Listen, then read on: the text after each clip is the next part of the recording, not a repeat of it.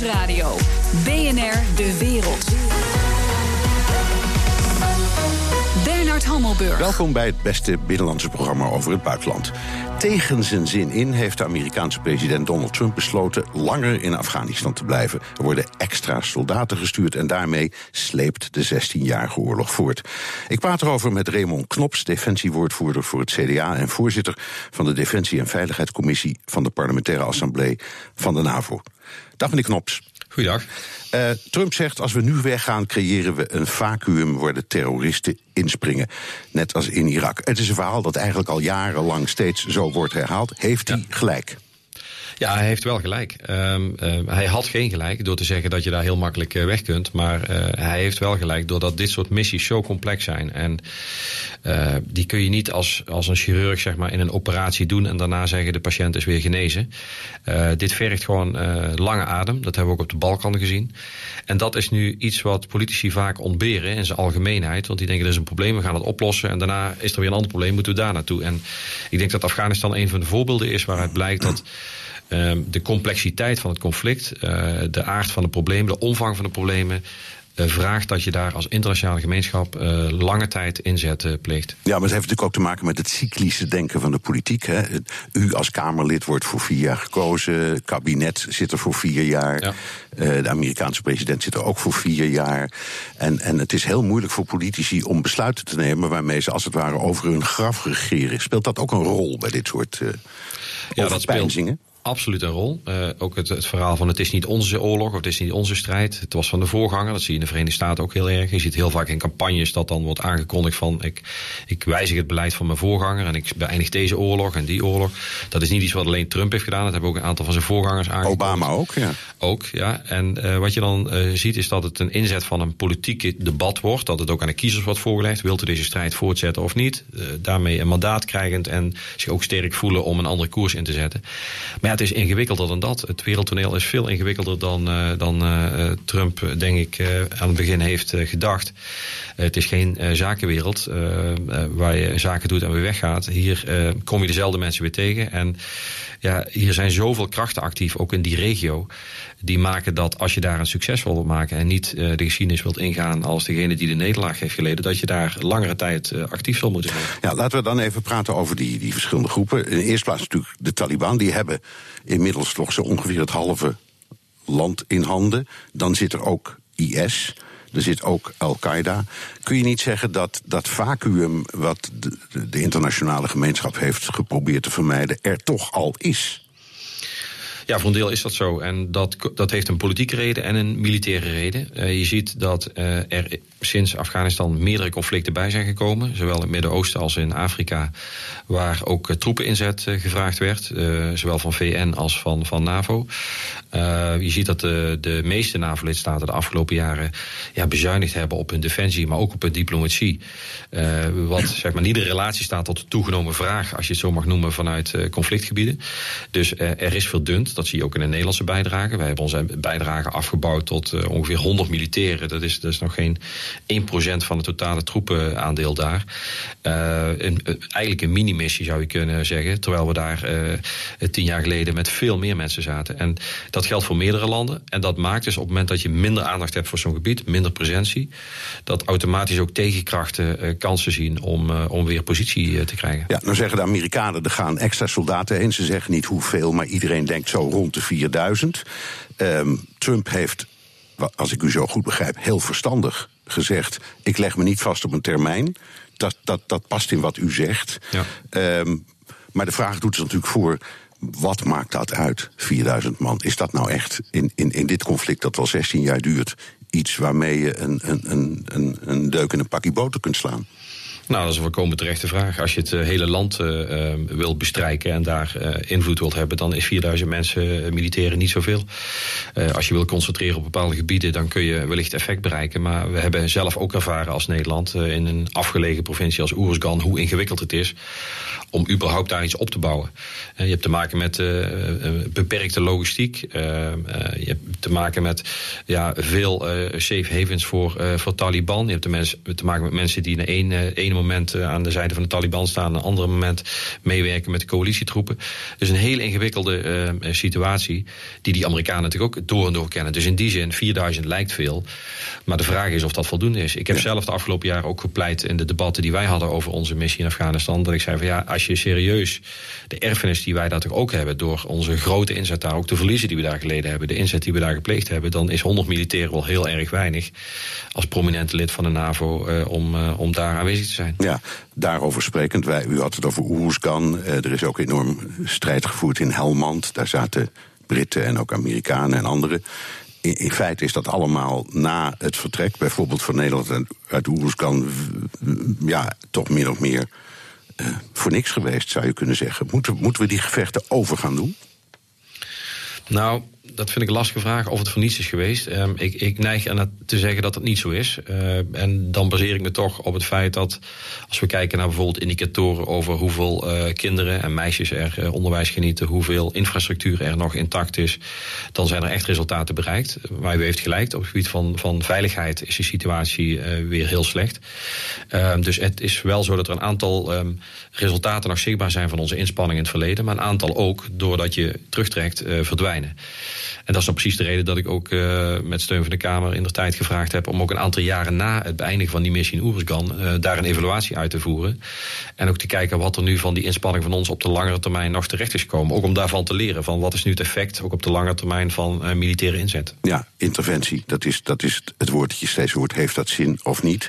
Um, vanuit dat perspectief eigenlijk de simpelste en misschien de belangrijkste vraag. Wat is voor ons als, als Westen nou de noodzaak om daar te blijven? Waarom?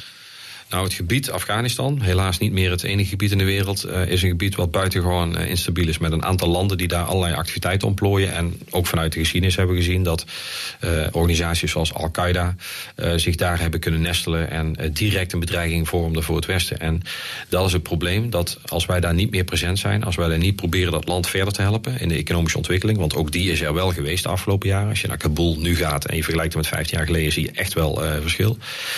Um, dus dat is een direct belang voor, uh, voor ons land. Dat is niet zozeer een direct buurland, maar het gaat wel om hoe kunnen we terrorisme uh, ook van deel voorkomen. Aan de ene kant bestrijden, maar ook voorkomen door die mensen daar perspectief uh, te bieden. Ja. Nu hebben Trump en daarna ook zijn minister van Buitenlandse Zaken Tillerson, naar mijn idee terecht gezegd: dit gaat niet alleen over Afghanistan, maar over Pakistan. Uh, leg dat nou eens uit. De Pakistanis spelen een soort dubbelrol. Uh, er zijn een paar vragen. Uh, in het grensgebied uh, tussen de twee landen, daar, daar zit voor een groot deel, ik zou maar zeggen, de leiding van, al, van Al-Qaeda en van de Taliban.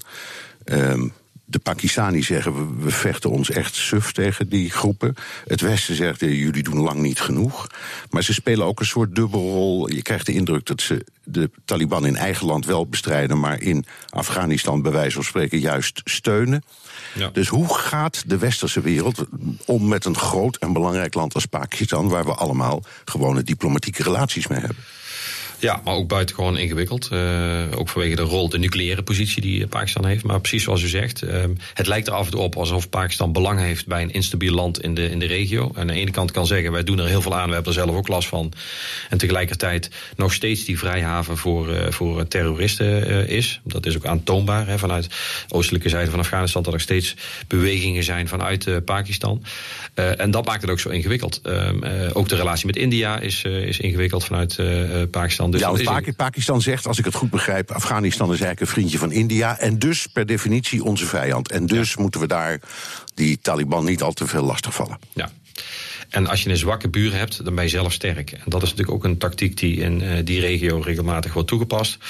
Um, dus in die zin zou je kunnen zeggen dat Pakistan er juist belang bij heeft dat Afghanistan zich niet ontwikkelt. Er zijn ook argumenten te noemen waarbij dat wel zo is, maar het is buitengewoon politiek complex. En er zijn meerdere uh, players in dat veld actief uh, die dat belang hebben. En naar mijn idee doet Pakistan niet voldoende om, uh, om die terroristen daar aan te pakken. Nee, en vergeet niet dat het, het gebied waar ze zich allemaal bevinden... is ook nog een buitengewoon ja, onherbergzaam gebied. Het is niet zo dat je daar even de snelweg op gaat en, en gaat patrouilleren. Dus dat, dat zijn echt afgelegen gebieden. Ja, zo Waziristan en dat soort gebieden. Um, nu zeggen de Amerikanen... Um, de hele, het hele idee van nation building, dat was geen goed idee. Dat moeten we ook niet meer doen. In Nederland hoor je ook steeds meer stemmen opgaan. Ook minister Koenders heeft daar wel uitspraken over gedaan. Hoe staat u daar tegenover? Want dat, dat, dat idee dat eigenlijk naar mijn idee een beetje voortkwam uit het traditionele westerse idee van zending en missie. Je moet niet alleen een probleem oplossen, maar die mensen ook als het ware een nieuwe staatsinrichting geven. Was dat fout? Zijn we daar moeten we gewoon niet meer over nadenken? Nou, ik, ik, ik vind terecht dat die discussie gevoerd wordt. Want uh, we hebben wel eens de neiging, ook inderdaad vanuit het verleden, vanuit die missionaire geschiedenis van ons, de suprematie van het Westen over andere delen van de wereld, dat wij gingen vertellen hoe het daar zou moeten. Dat wij de blauwdrukken klaar hadden om die mensen te vertellen hoe je democratie inricht. En ik heb zelf in Irak meegemaakt toen ik daar zat als militair, toen de eerste vrije verkiezingen daar georganiseerd werden, dat democratie niet alleen iets is van ik organiseer verkiezingen en dan heb ik democratie. Dat moet je ook beleven, dat moet je onderhouden, dat is in beweging, ook in, in ons eigen land zelfs. Dus uh, die idee dat wij vanuit het Westen daar een blauwdruk zouden kunnen neerleggen, is wel erg ambitieus. En mij lijkt ook, als je komende missies dan een succes wil maken, dat je ook zou moeten accepteren dat je bepaalde dingen dat die niet helemaal gaan zoals je wil. Maar dat je wel de essentiële zaken zoals veiligheid en uh, economie, dat je die probeert tot stand te brengen. Uh, dat is het belangrijkste. En hoe die landen dat dan verder inrichten, dat je daar niet de lat heel hoog legt. En dat is in het verleden wel eens gebeurd. En daardoor ja, creëer je feitelijk inherente mislukkingen. Want als je de lat heel hoog legt en zegt ze moeten het allemaal doen zoals wij doen, even kort de bocht. Ja, dan weet je bijna zeker dat dat niet uh, gaat gebeuren. Zo dadelijk praat ik verder met misschien wel onze nieuwe minister van Defensie over, over de Nederlandse rol in Afghanistan. BNR Nieuwsradio.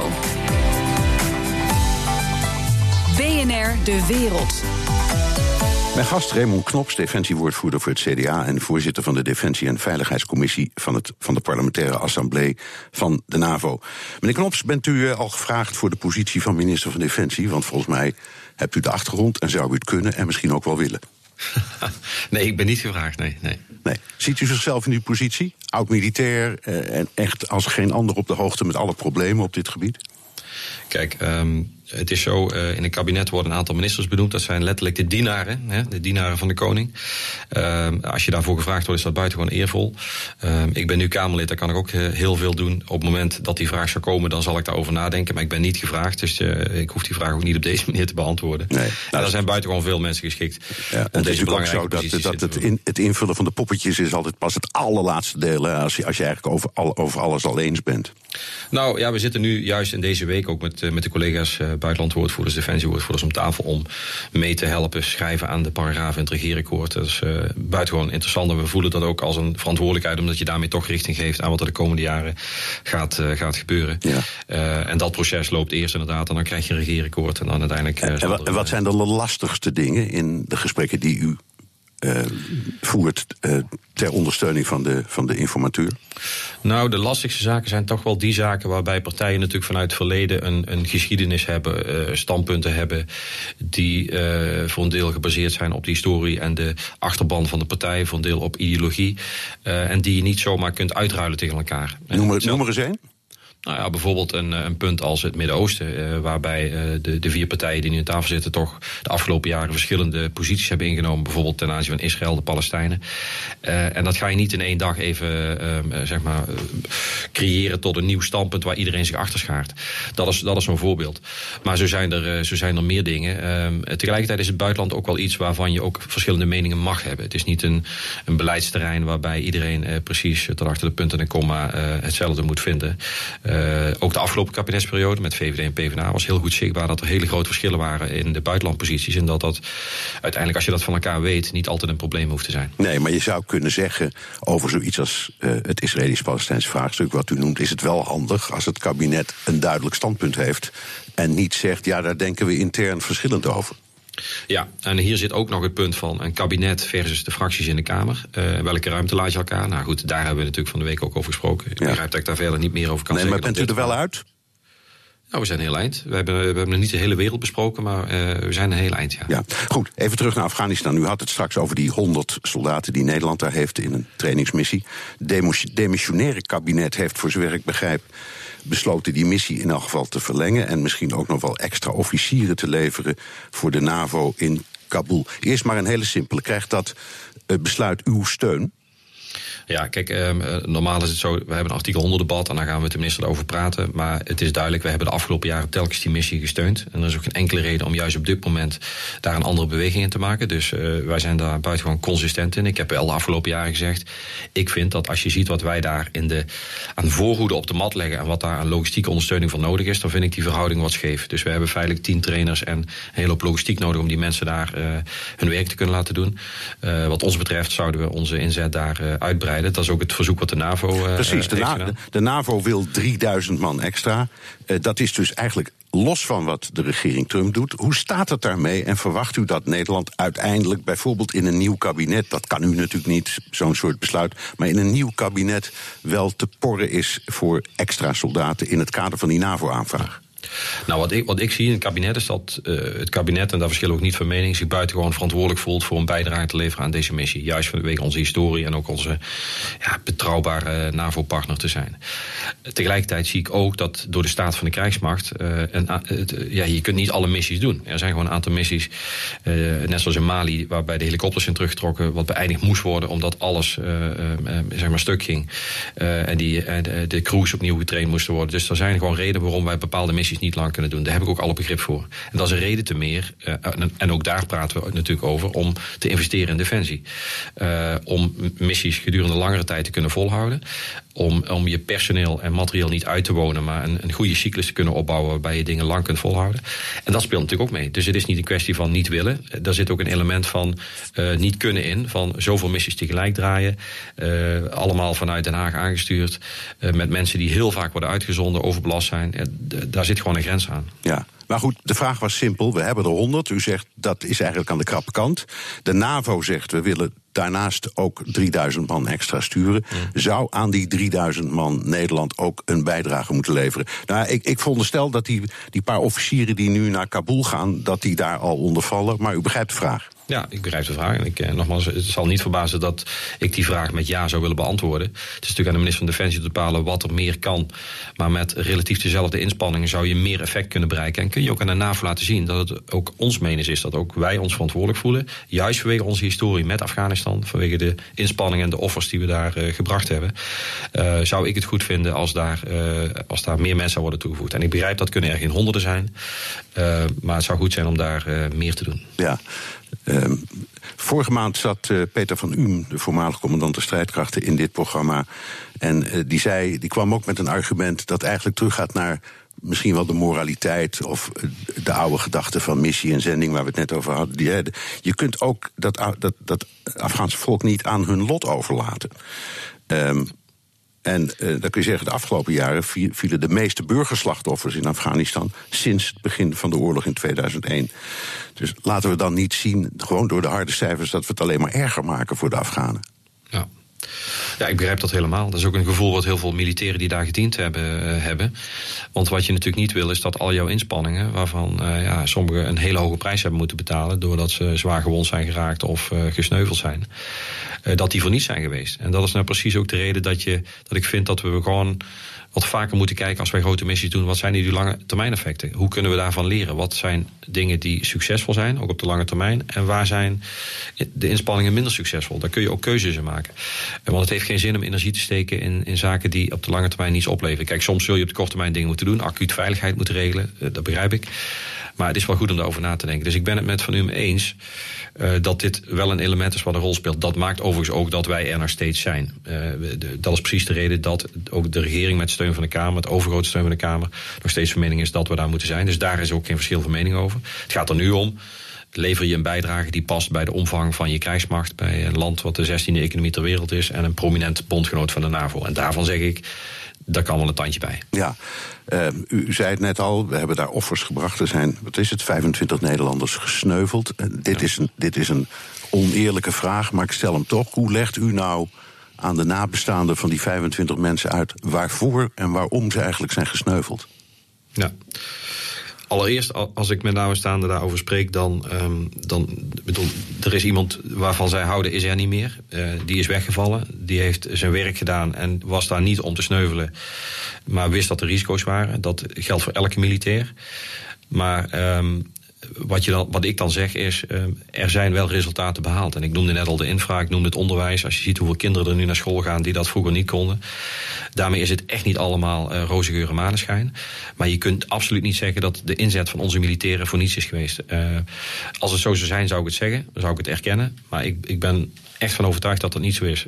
Wat ik graag zou willen, is dat we die resultaten ook naar de toekomst borgen. En dat we niet missies doen, twee jaar uh, iedereen er naartoe en vervolgens gaan we weer ergens anders naartoe. Je kunt beter op één plek langer blijven dan op heel de wereld, zeg maar, als een soort brandweerman uh, uh, rondlopen. Ja, nog, nog even heel kort voor de duidelijkheid. De, ik zeg maar, de fractie Brennan, Brennan in, in de regering Trump, Brennan is nou weg, maar doet er even niks toe. Trump zelf ook, die zegt: My gut feeling is we zouden eigenlijk gewoon daar moeten inpakken en wegwezen, want het heeft allemaal geen zin. Ik ben nu, ik snap dat mijn generaals verstandige argumenten hebben, maar eigenlijk zou ik dat willen.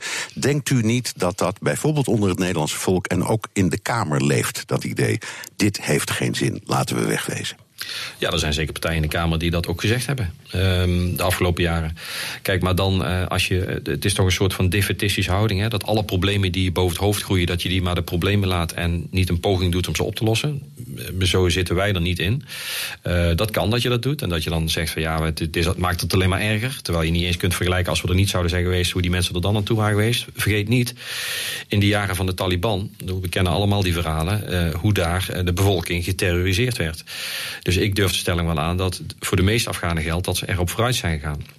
Ja. En ik vind dat wij de plicht hebben om, als het mogelijk is, en zeker ook nog als een relatie, dat mag ook in eigen belangen zitten, ook een relatie met ons en zo'n eigen veiligheid is, dat je daar dan die inspanningen getroost. En uh, kijk, als je de redenering van Trump zou doorvoeren, dan zou je, ja, dan zou je op heel veel plekken niets meer doen. Dan zou de ellende in de wereld alleen maar groter worden. En ook dat slaat weer terug op het, uh, met name op het Westen.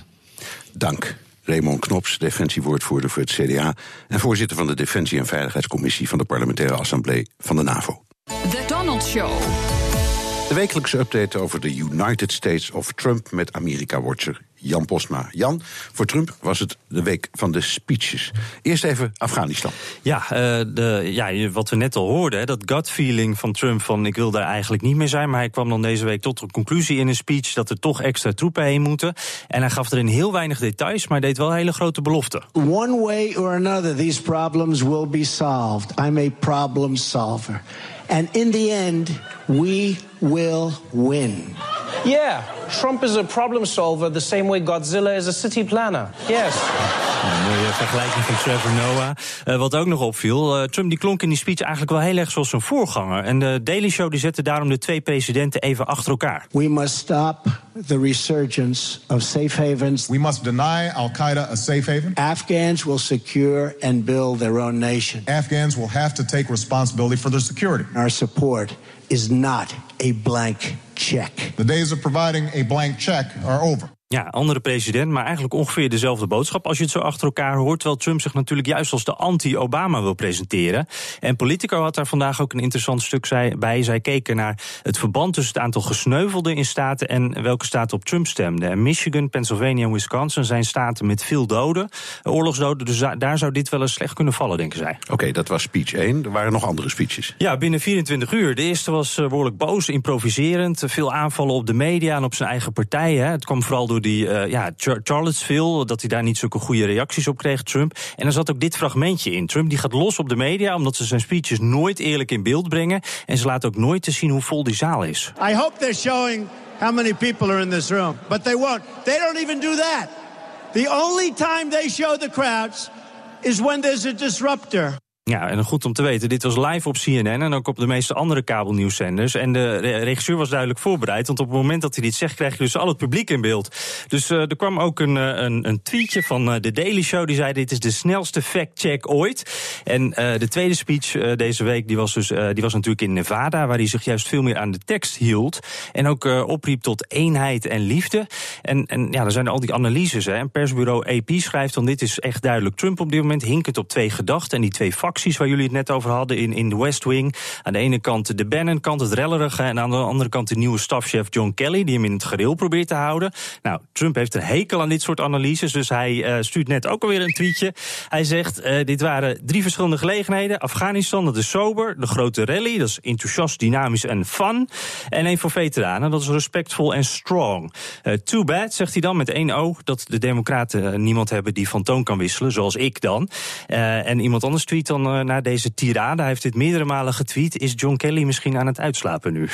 Je hebt nog een luistertip over de nasleep van Charlottesville. Ja, The Daily, dat is de podcast van de New York Times. Die spraken met Derek Black. En zijn halve familie is lid van de Ku Klux Klan. de ex-man van zijn moeder is David Duke, bekende oud Grand Wizard. En zijn vader startte ook de grootste extreemrechtse website, Stormfront. It sounds like what you're describing is that you're you're kind of the the first child of American white nationalism. I mean, I I did. I knew everybody. Ja, je hoort een beetje dat ongemak. Hij heeft uiteindelijk die, die, die, die uh, hele uh, kant heeft hij achter zich gelaten. En, en hij is nu uh, ja, ook los van zijn familie. Heeft echt ruzie met zijn familie daarover gekregen. Maar al die mensen kwamen dus bij hem thuis over de vloer. Um, en dan wordt hem ook gevraagd: van wat is nou de impact van Trump? En, en het weigeren eigenlijk van Trump om extreem rechts te veroordelen, om die KKK te veroordelen. En hij vertelt dan dat die white nationalists met al die protesten voor het behoud van stambeelden, andere symbolen, hun eigen beweging eigenlijk proberen te normaliseren. En dat de president daar dus zo aan meedoet. If you were on the fence about whether you should get involved in this this stuff or not, the president's okay is the biggest thing that's ever happened. Ja, laat dat even op je inwerken. Het is echt een heel boeiend gesprek, ook best wel indrukwekkend. Het is van de delen, de New York Times, en ik heb hem ook getweet. Dankjewel, Jan Posma. BNR Nieuwsradio. BNR De Wereld. Bernard Hammelburg. Rusland vliegt met nucleaire bommenwerpers over de zee van Japan en Zuid-Korea. Het is een teken dat de Russen zich ook steeds meer in het conflict rondom Noord-Korea mengen. Ze zeggen, we willen maar één ding, de-escalatie. Arend-Jan Boekenstein, eh, buitenlandcolumnist bij Elsevier... en presentator van het BNR-programma Boekenstein en de Wijk. Eh, hoe kijken ze in Rusland eigenlijk naar dat Noord-Koreaanse conflict? Ja, ik denk dat uh, Poetin denkt uh, puur langs uh, klassieke machtspolitieke lijnen. En hij ziet dat, dat Trump en Tillerson oneenigheid hebben over hoe je Noord-Korea zou moeten aanpakken. Er worden verschillende signalen uitgezonden. Ja, aanvallen of onderhandelen. Ja, ja. en ik denk zelf dat er geen militaire oplossing is voor dit vreselijke conflict. Dat de generaals dat ook eigenlijk ook zeggen. Althans, een deel van de generaals zeggen dat tegen Trump. En dat betekent dus dat die nieuwe Amerikaanse sancties, die natuurlijk heel slecht zijn gevallen in China, maar ook in Rusland, en zeker in Noord-Korea natuurlijk, dat Poetin dan denkt van, nou luister eens, hij zit vast. Uh, Trump zit gewoon vast in Noord-Korea. En ik ga laten zien dat ik ook nog besta. En ik ben een bondgenoot van Noord-Korea eigenlijk al heel lang. Uh, en ik uh, laat gewoon eventjes een paar bommenwerpers daar vliegen... om te laten zien dat ik er ook ben. En dat ik ook aan tafel zal moeten gaan als er een echte oplossing komt. Er ja. is ook een Chinees-Russisch voorstel geweest... Hè, van uh, Noord-Korea moet stoppen met die testen... in ruil voor dat de, die, die maandag gestarte Zuid-Koreaans-Amerikaanse militaire oefeningen zouden stoppen. Nou, dat gaat Amerika natuurlijk niet doen, want dat zien ze als een soort uh, veiligheidsgarantie voor Zuid-Korea. Maar dit is gewoon een manier van Poetin om zijn, zijn, zijn, zijn machtspotentieel te laten ja. Nou, nou is de voor, voor, vorige raket die door Noord-Korea werd afgevuurd bij uh, Vladivostok terechtgekomen. Dus de Russen liggen ook in het schootsveld van Noord-Korea. Ja, maar uiteindelijk denk ik, ja, misschien dat ik het mis heb hoor. Uiteindelijk denk ik dat hij zal steeds een grens opzoeken. Maar het is natuurlijk buitengewoon onverstandig om een serieuze raket ergens te laten neerkomen. Het enige wat hij wil, is hij wil heel graag uh, een kernwapen hebben. En dat geeft hem de mogelijkheid zowel intern als extern te overleven. Als hij uh, daadwerkelijk overgaat tot een uh, lancering van een raket dat Japan zou bereiken of Rusland of wat dan ook. Ja, dat is natuurlijk pure zelfmoord. Ja, Waarom had, zou hij dat doen? Je had het over die onderlinge band tussen ook Rusland en Noord-Korea. Hoe groot is die onderlinge band? Nou, die is eigenlijk al heel lang, hè, van, zeg maar, van de Koude Oorlog. En die heeft toen ook de, die, uh, moeizame Chinees. Uh, China is natuurlijk Noord-Korea te hulp gekomen tijdens de Korea-oorlog, dat weten we allemaal. Toen is er die, uh, maar dus de relatie tussen China en Noord-Korea is ook heel moeizaam. Heel moeizaam. Daarom was het ook zo lastig om via de Chinese route echt uh, invloed op Noord-Korea uit te oefenen. Uh, en er is ook een breuk geweest tussen Rusland en, en, China in het verleden. Dat heeft het allemaal overleefd. En Rusland was bereid om die uh, uh, VN-sancties te steunen, net zoals China. Maar ze vinden de Amerikaanse sancties die nog veel verder gaan, die houden ze dan dus tegen. Met andere woorden, het belang van China is dat gewoon Noord-Korea blijft bestaan. Dat een, Verenigd uh, Korea zou betekenen dat de Amerikaanse invloed in dat gebied toeneemt. En dat is helemaal geen Chinees belang. En dat is eigenlijk ook een Russisch belang. Het is helemaal niet de bedoeling dat Amerika in dat gebied zijn macht uitbreidt. Nee. Dankjewel. Arend-Jan Boekenstein, buitenlandcolumnist bij Elsevier... en presentator van het BNR-programma Boekenstein en de Wijk. BNR De Wereld. Blik op Europa. Vrouwen op de Balkan worden betaald om hoofddoekjes te dragen. Deze ongefundeerde claim komt van de Oostenrijkse minister van Buitenlandse Zaken. Toch zijn de zorgen van de minister die achter deze woorden liggen terecht. Europa-verslaggever Jesse Pinster, hoe komt de Oostenrijkse minister aan die kennis? Ja, dat is echt volstrekt onduidelijk. Of zoals je al zei, ongefundeerd. In een uh, interview met de Duitse krant Das Handelsblad heeft hij gezegd dat in Sarajevo, de hoofdstad van Bosnië, en Pristina, de hoofdstad van Kosovo, vrouwen betaald zouden worden om een hoofddoek te dragen, zodat dan het straatbeeld veranderd kan worden. Nee, je kan toch uh, uittekenen natuurlijk boze reacties uit zowel Bosnië en Kosovo die nou ontkennen dat dit uh, gebeurt en het ook echt zien als een belediging. Maar het interview verder wat hij gaf aan die Duitse krant. Deze Sebastian Kurz, de piepjonge minister van Buitenlandse Zaken van Oostenrijk, gaat eigenlijk over de stabiliteit op de Balkan. En hij heeft uh, zorgen over de invloed die Rusland daar heeft. Dat is altijd al zo. Nou, Turkije ook al heel lang. Ook Saoedi-Arabië uh, noemt hij. En uh, er zijn natuurlijk ook breder in Brussel al langer zorgen over. En hij zegt dus ook van zorg nou dat je die Balkanlanden integreert in de Europese Unie. Want er ontstaat daar anders weer een probleem. Heeft minister Koerts gelijk?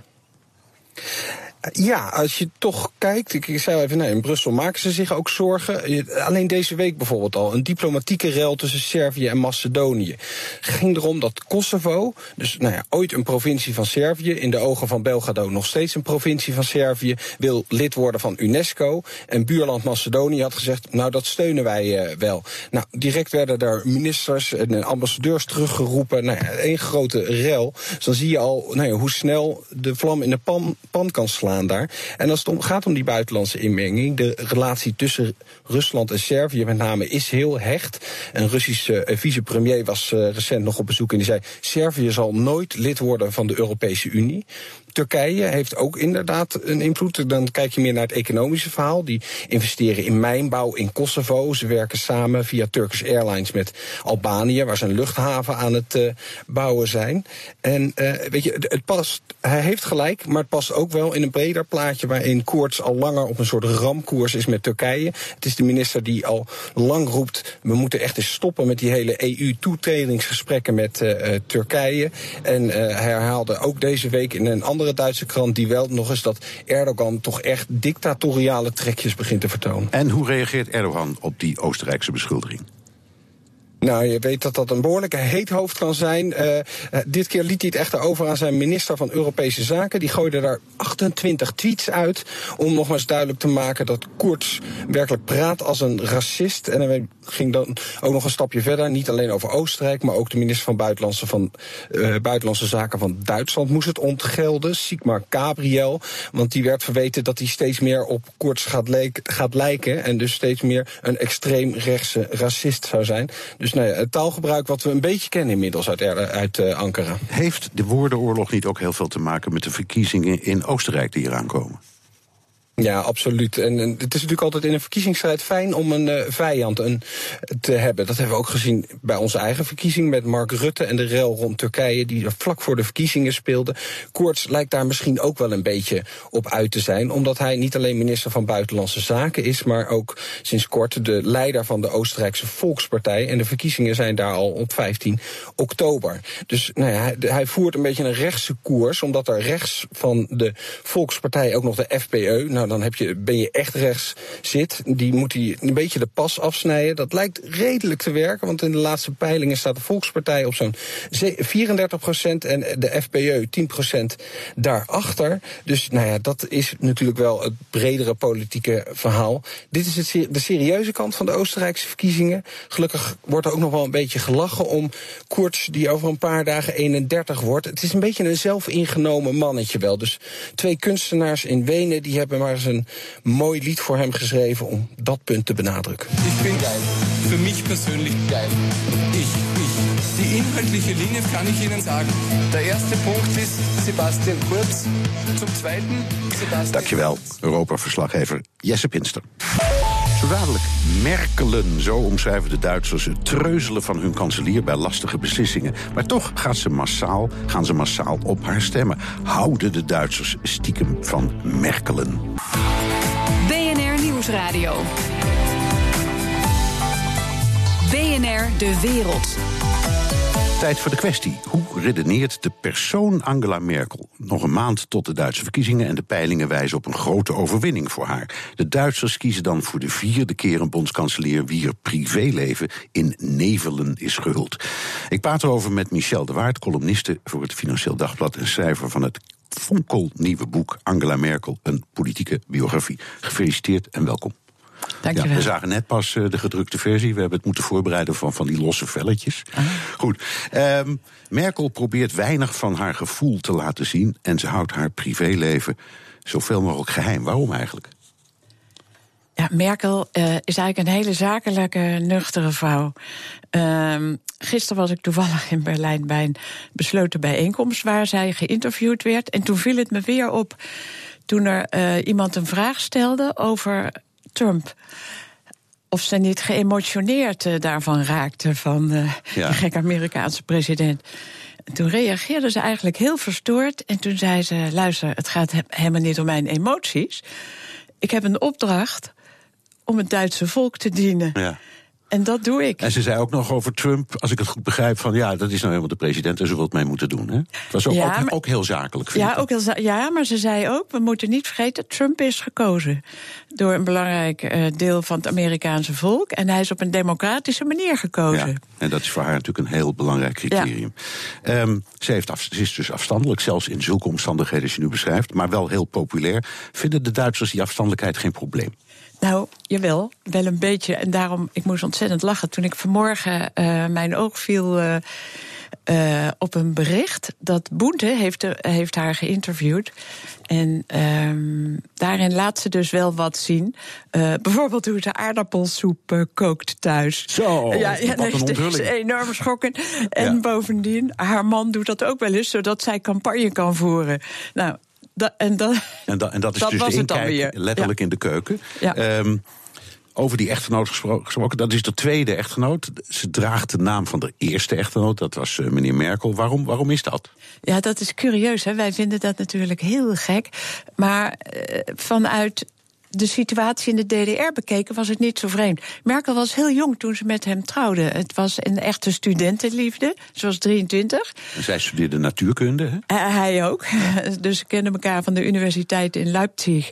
En eh, het was in, die, in, in dat milieu zo.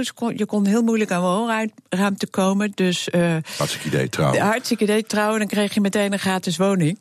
Maar na drie jaar ging ze scheiden. Dat gebeurde ook heel vaak in de DDR. En dan hield je dus eh, de, naam, de achternaam van je man, want dat leverde verder geen Ja. bureaucratische gedoe op. Het is, het is in Amerika overigens ook heel vaak zo hoor, dat eh, gescheiden vrouwen de naam van hun eerste echtgenoot houden. Dus, eh, maar goed, het is toch wel weer tekend. De dochter van een linkse dominee, hè, vat ik maar even samen, dat, zo staat het ook wel in je boek, echt heel duidelijk. Christelijke opvoeding gehad. Eh, hoe zien we dat in eh, de manier waarop ze als politicus beslissingen neemt? Ja, nou, Merkel heeft eh, een, een heel uitgewogen waardepatroon. En heel zo nu en dan zegt ze daarover ook iets in interviews. Ze zegt: eh, ik, wij hebben zo'n, wij als CDU hebben zo'n stevig eh, waardepatroon. Ehm, daar moeten anderen nog maar eens aankomen. Maar het punt is, je ziet natuurlijk, eh, zeker de laatste jaren, dat ze dat ook heel erg verdedigt. Ze verdedigt eh, haar open grenzenpolitiek uh, ja, op leven en dood, zou ik bijna willen Ja, zeggen. zeggen, ja. Want eh, ze is natuurlijk gegrild door haar eigen partij toen ze de deur openzette. Nou, de grenzen waren al open, alleen ongecontroleerd eh, op die bewuste septembernacht. ja. Ja, wir schaffen das. Had ze al, al eerder gezegd hoor. Dat is onder eh, Duitse politici eh, wel een. eh, een hele ja, veelgebruikte leus. Natuurlijk lukt het ons. Maar toen is ze gegrild door haar eigen partij. Helemaal door de CSU. zusterpartij, ja, De zusterpartij. En toch heeft ze volgehouden. Eh, ze tuimelde omlaag in de opiniepeilingen. Dat was vrij dramatisch. En wat zag je begin dit jaar? Waren drie hele belangrijke verkie- deelstaatverkiezingen in Duitsland. Waar iedereen altijd dan toch weer halsreikend naar uitkijkt. Want Saarland, daar werd gekozen. Ja. Toch een rode deelstaat. Noord-Rijn-Westfalen. De deelstaat, de deelstaat waar Martin Schulz vandaan komt. Haar, tegenkandidaat, ja. haar tegenstander. Eh, en Sleeswijk-Holstein. Haar eigen staat. Haar eigen staat. En ze won. Haar partij won in alle drie. En het interessante is ook nog dat het alle drie eh, eh, kandidaten waren die heel erg openlijk haar eh, vluchtelingenpolitiek verdedigd hebben. Ze was eerst een SPD-meisje voordat ze naar de CDU ging. Ehm, dus hoe zit dat dan met die ideologie? Je zegt ze verdedigt echt wel heel duidelijk de ideologie van de CDU. Maar ze, heeft, ze is zoekende geweest voordat ze daar Ja, ja kijk, ze, to- toen de muur viel, wilde ze heel graag eh, politiek actief worden. Dat raakte natuurlijk een enorme snaar. Eh, en ze wilde de politieke toekomst van, van het land. Ze hoopte natuurlijk dat Duitsland heel snel herenigd zou raken. mee bepalen. Toen heeft ze geroken aan de SPD. Eh, daar is ze met een vriend gaan, gaan kijken en luisteren. Want bij wie moet je je nou aansluiten? Ze kwam wel uit een rood nest hoor. Haar moeder was SPD en de vader was dus die linkse dominee. Maar ze, werd, ze besloot na die bijeenkomst eh, geen lid te worden. En toen is ze dus lid geworden van Democratischer Aufbruch. Dat was een burgerrechtenpartij. Ja, en die is al heel snel binnen een jaar opgeslokt door de CDU. Door het CDU, ja. Ik, ik lees even, ik weet niet of je het hebt gezien. Er stond in de New York Times een, een, een column van eh, Jochem Bietner van Die Zeit Ja. eh, van vandaag. En dat begint al dus, als je niks hebt gehoord over de verkiezingscampagne in, eh, in Duitsland, dan klopt dat, want er is geen verkiezingscampagne. Prachtige zin. Dat klopt, hè? Nou, daar ben ik het toch niet mee eens. Ik, eh, het is een mooie openingszin. Ja, nee, het is, het is een prachtige openingszin. En eh, vooral ook omdat natuurlijk heel veel mensen eh, best iemand anders zouden willen kiezen, maar die hebben de indruk dat, dat ze geen alternatief hebben. Nee, maar dat, dat pakt hij ook op. Ja. Er zijn twee paradoxen. De ene is dat de Duitsers iets weerstand hebben tegen verandering. Ehm, en dat, ondanks het feit dat we, dat wir schaffen es, dat nog het woord wir, nog es precies is gedefinieerd. Maar dat ze denken toch, nou ja, eh, zeker is zeker. Dat is dan misschien belangrijker dan een alternatief. Speelt dat echt? Ja, nou ja, kijk, eh, eh, dat speelt wel degelijk een rol. Kijk, ten eerste gaat het natuurlijk heel goed met Duitsland zelf. Al acht jaar lang achter elkaar. Elk jaar een gestage economische groei. De werkloosheid is van 4,5 miljoen naar 2,5 miljoen gedaald.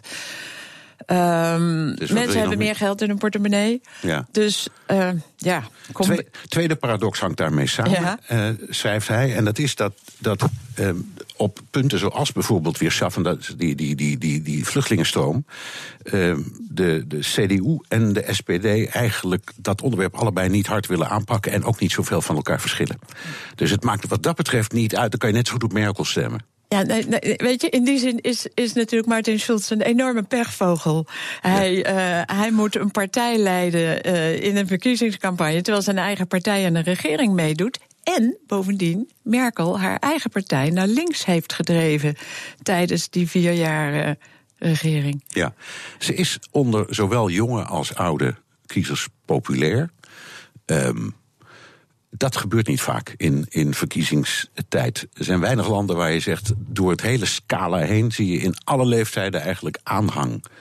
Hoe komt dat? Ja, dat viel mij ook op. Uh, van de week toen ik op een verkiezingsbijeenkomst in Kloppenburg was. Want ik had verwacht dat daar allemaal, uh, met alle eerbied voor 50-plussers, maar allemaal 50-plussers zouden zijn. Er waren een heleboel jonge mensen.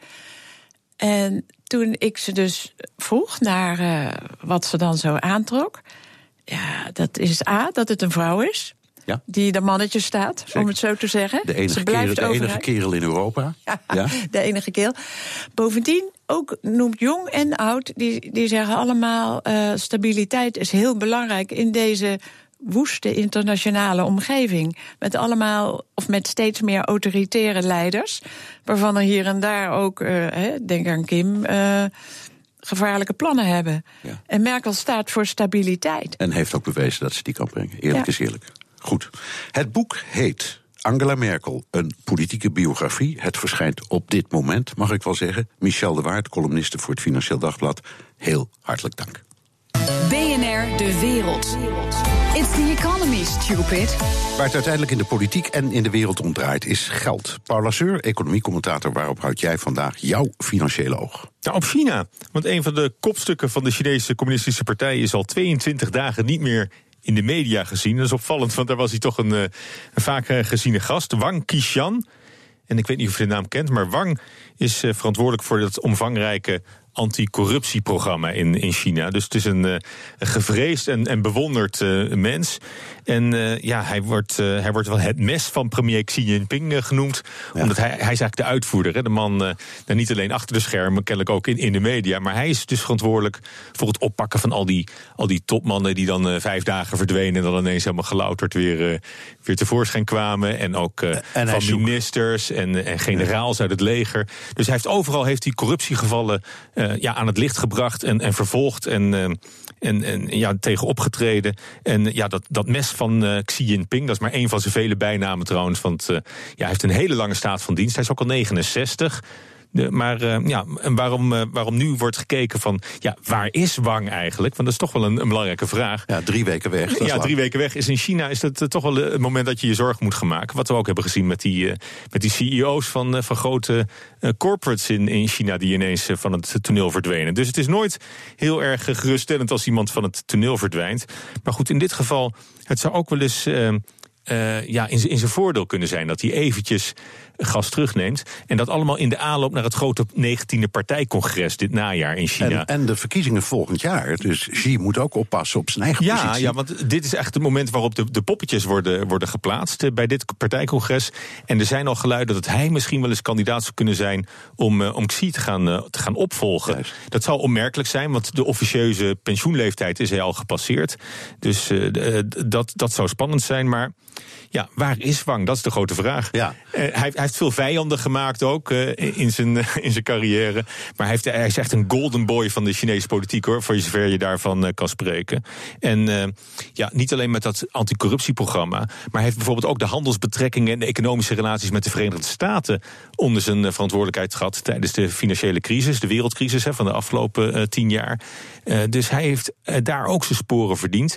En hij heeft ook al in de jaren 80 en 90 eh, meegedaan aan het oprichten van de eerste commerciële bank in, in China. Dus hij is ook economisch en politiek en financieel is hij echt een hele zware kandidaat die echt wel eens ja, bijvoorbeeld ook de toch wel wat vastlopende economische hervormingen in China zou kunnen vlot trekken. Heeft hij ook te maken met twee belangrijke dingen. Dat is die, die, die, die, op, het opzetten van die nieuwe zijderoute.